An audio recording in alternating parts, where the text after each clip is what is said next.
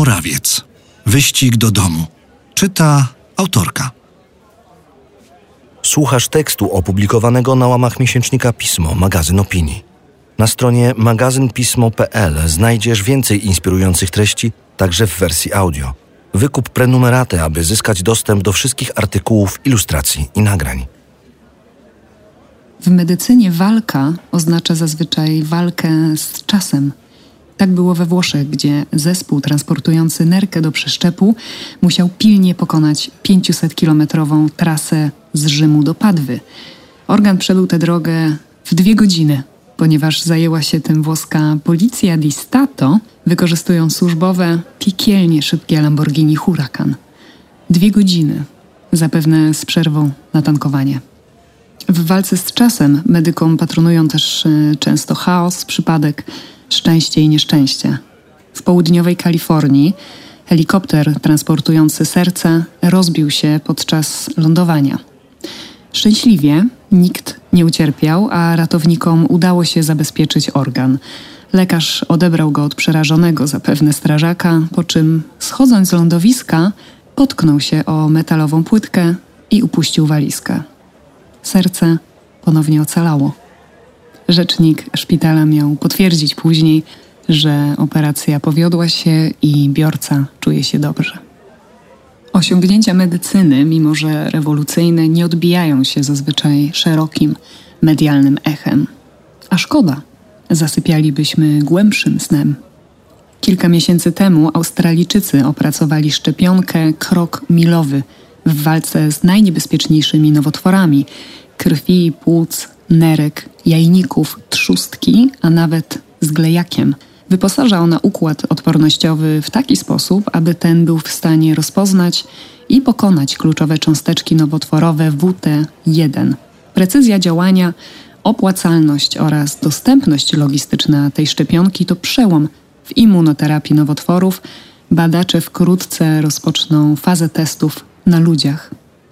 W tym samym czasie naukowcy z Tel Awiwu uderzyli w raka z innej, genetycznej flanki. Opracowali nowy sposób edycji genomu CRISPR, którego celem jest niszczenie komórek rakowych poprzez ich genetyczną modyfikację. Odpowiada za to enzym Cas9, który działa jak nożyce przecinające DNA komórek rakowych, sprawiając, że już nigdy nie będą się one replikowały. To istotne, zwłaszcza w przypadku nowotworów w fazie przerzutów. Prace nad tym trwały od dawna, jednak dopiero teraz opracowano sposób nie narażający zdrowych komórek na nieprecyzyjne działanie nożyc Cas9. Zastosowanie tej metody u myszy z guzami glejaka poprawiło ich wskaźnik przeżycia o 30%. Z rakiem walczymy skutecznie także na poziomie globalnej administracji – WHO wprowadziło strategię wyeliminowania raka szyjki macicy. Po raz pierwszy 194 kraje solidarnie zobowiązały się do wyeliminowania konkretnego nowotworu, wdrożenia programu szczepień, badań przesiewowych i farmakoterapii. Jeden z celów zakłada, że do 2030 roku aż 90% dziewcząt do 15 roku życia będzie poddanych szczepieniu przeciw HPV. Do 2050 roku ocali to życie około 5 milionom kobiet i dziewcząt. Proszczepionkowców ucieszy zapewne i ta wiadomość. W Afryce wyeliminowano wszystkie dzikie szczepy polio. To wynik rozpoczętej jeszcze przez Nelsona Mandelę i trwającej 2,5 dekady walki, w ramach której zaszczepiono ponad 95% mieszkańców tego kontynentu. Sukces ogłoszono po tym, jak odpowiednie wskaźniki osiągnięto w Nigerii, gdzie ze względu na zagrożenie terrorystyczne na niektórych terenach walka o zaszczepienie dzieci trwała najdłużej. Wielu medyków straciło w tej walce życie. W laboratoriach na całym świecie, które zapewne wyglądają już kompletnie inaczej niż te z mojej wyobraźni, odbywają się skomplikowane i abstrakcyjne procedery z pogranicza science fiction i medycyny. Włączenie do badania struktury białka ludzkiego ultraszybkich systemów obliczeniowych firmy DeepMind, której właścicielem jest Alphabet Inc., czyli właściciel Google'a, a firmy znanej do tej pory głównie na rynku gier komputerowych, pozwoli przewidywać przyjmowane przez białka kształty. To z kolei znacząco przyspieszy powstawanie szczepionek przeciwko przyszłym pandemiom. Rok 2020 przyniósł także przełom w walce z AIDS. Cabotegravir, nowy lek zapobiegający infekcjom wirusa HIV, okazał się dziewięciokrotnie skuteczniejszy niż stosowana do tej pory codzienna tabletka Truvada. Ma to ogromne znaczenie, zwłaszcza dla młodych Afrykanek, szczególnie narażonych na infekcje. To, co dobre w dziedzinie zdrowia, nie odbywa się dziś tylko w laboratoriach i nie zawsze jest efektem prowadzenia wieloletnich badań.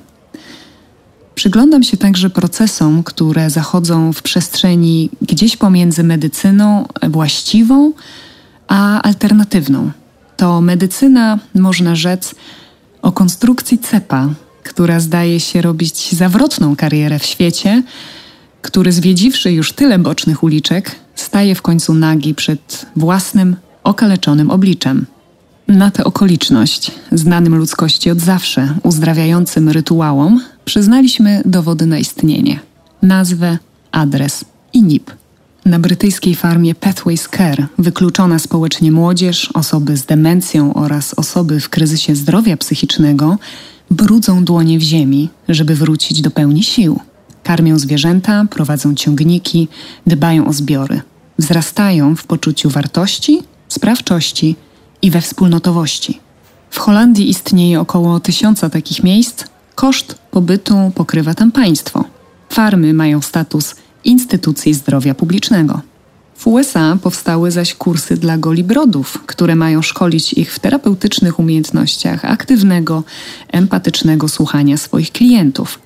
Celem The Confess Project jest walka ze stygmatyzacją problemów psychicznych wśród czarnoskórych mężczyzn. A kanadyjscy lekarze przepisują na receptę refundowaną przez państwo wizytę w muzeum jako remedium na niedobory serotoniny i kortyzolu chroniących nas przed chorobami przewlekłymi. Zdaje się, że wracamy tam, skąd wydawało nam się, że wyjechaliśmy na zawsze. Białoszewski pisał: Co tu podziwiać? Po wyczerpaniu wszystkich możliwości niebycia, zrobiło się bycie. Felieton ukazał się w 38 numerze miesięcznika Pismo. Magazyn opinii czytała Ania Morawiec.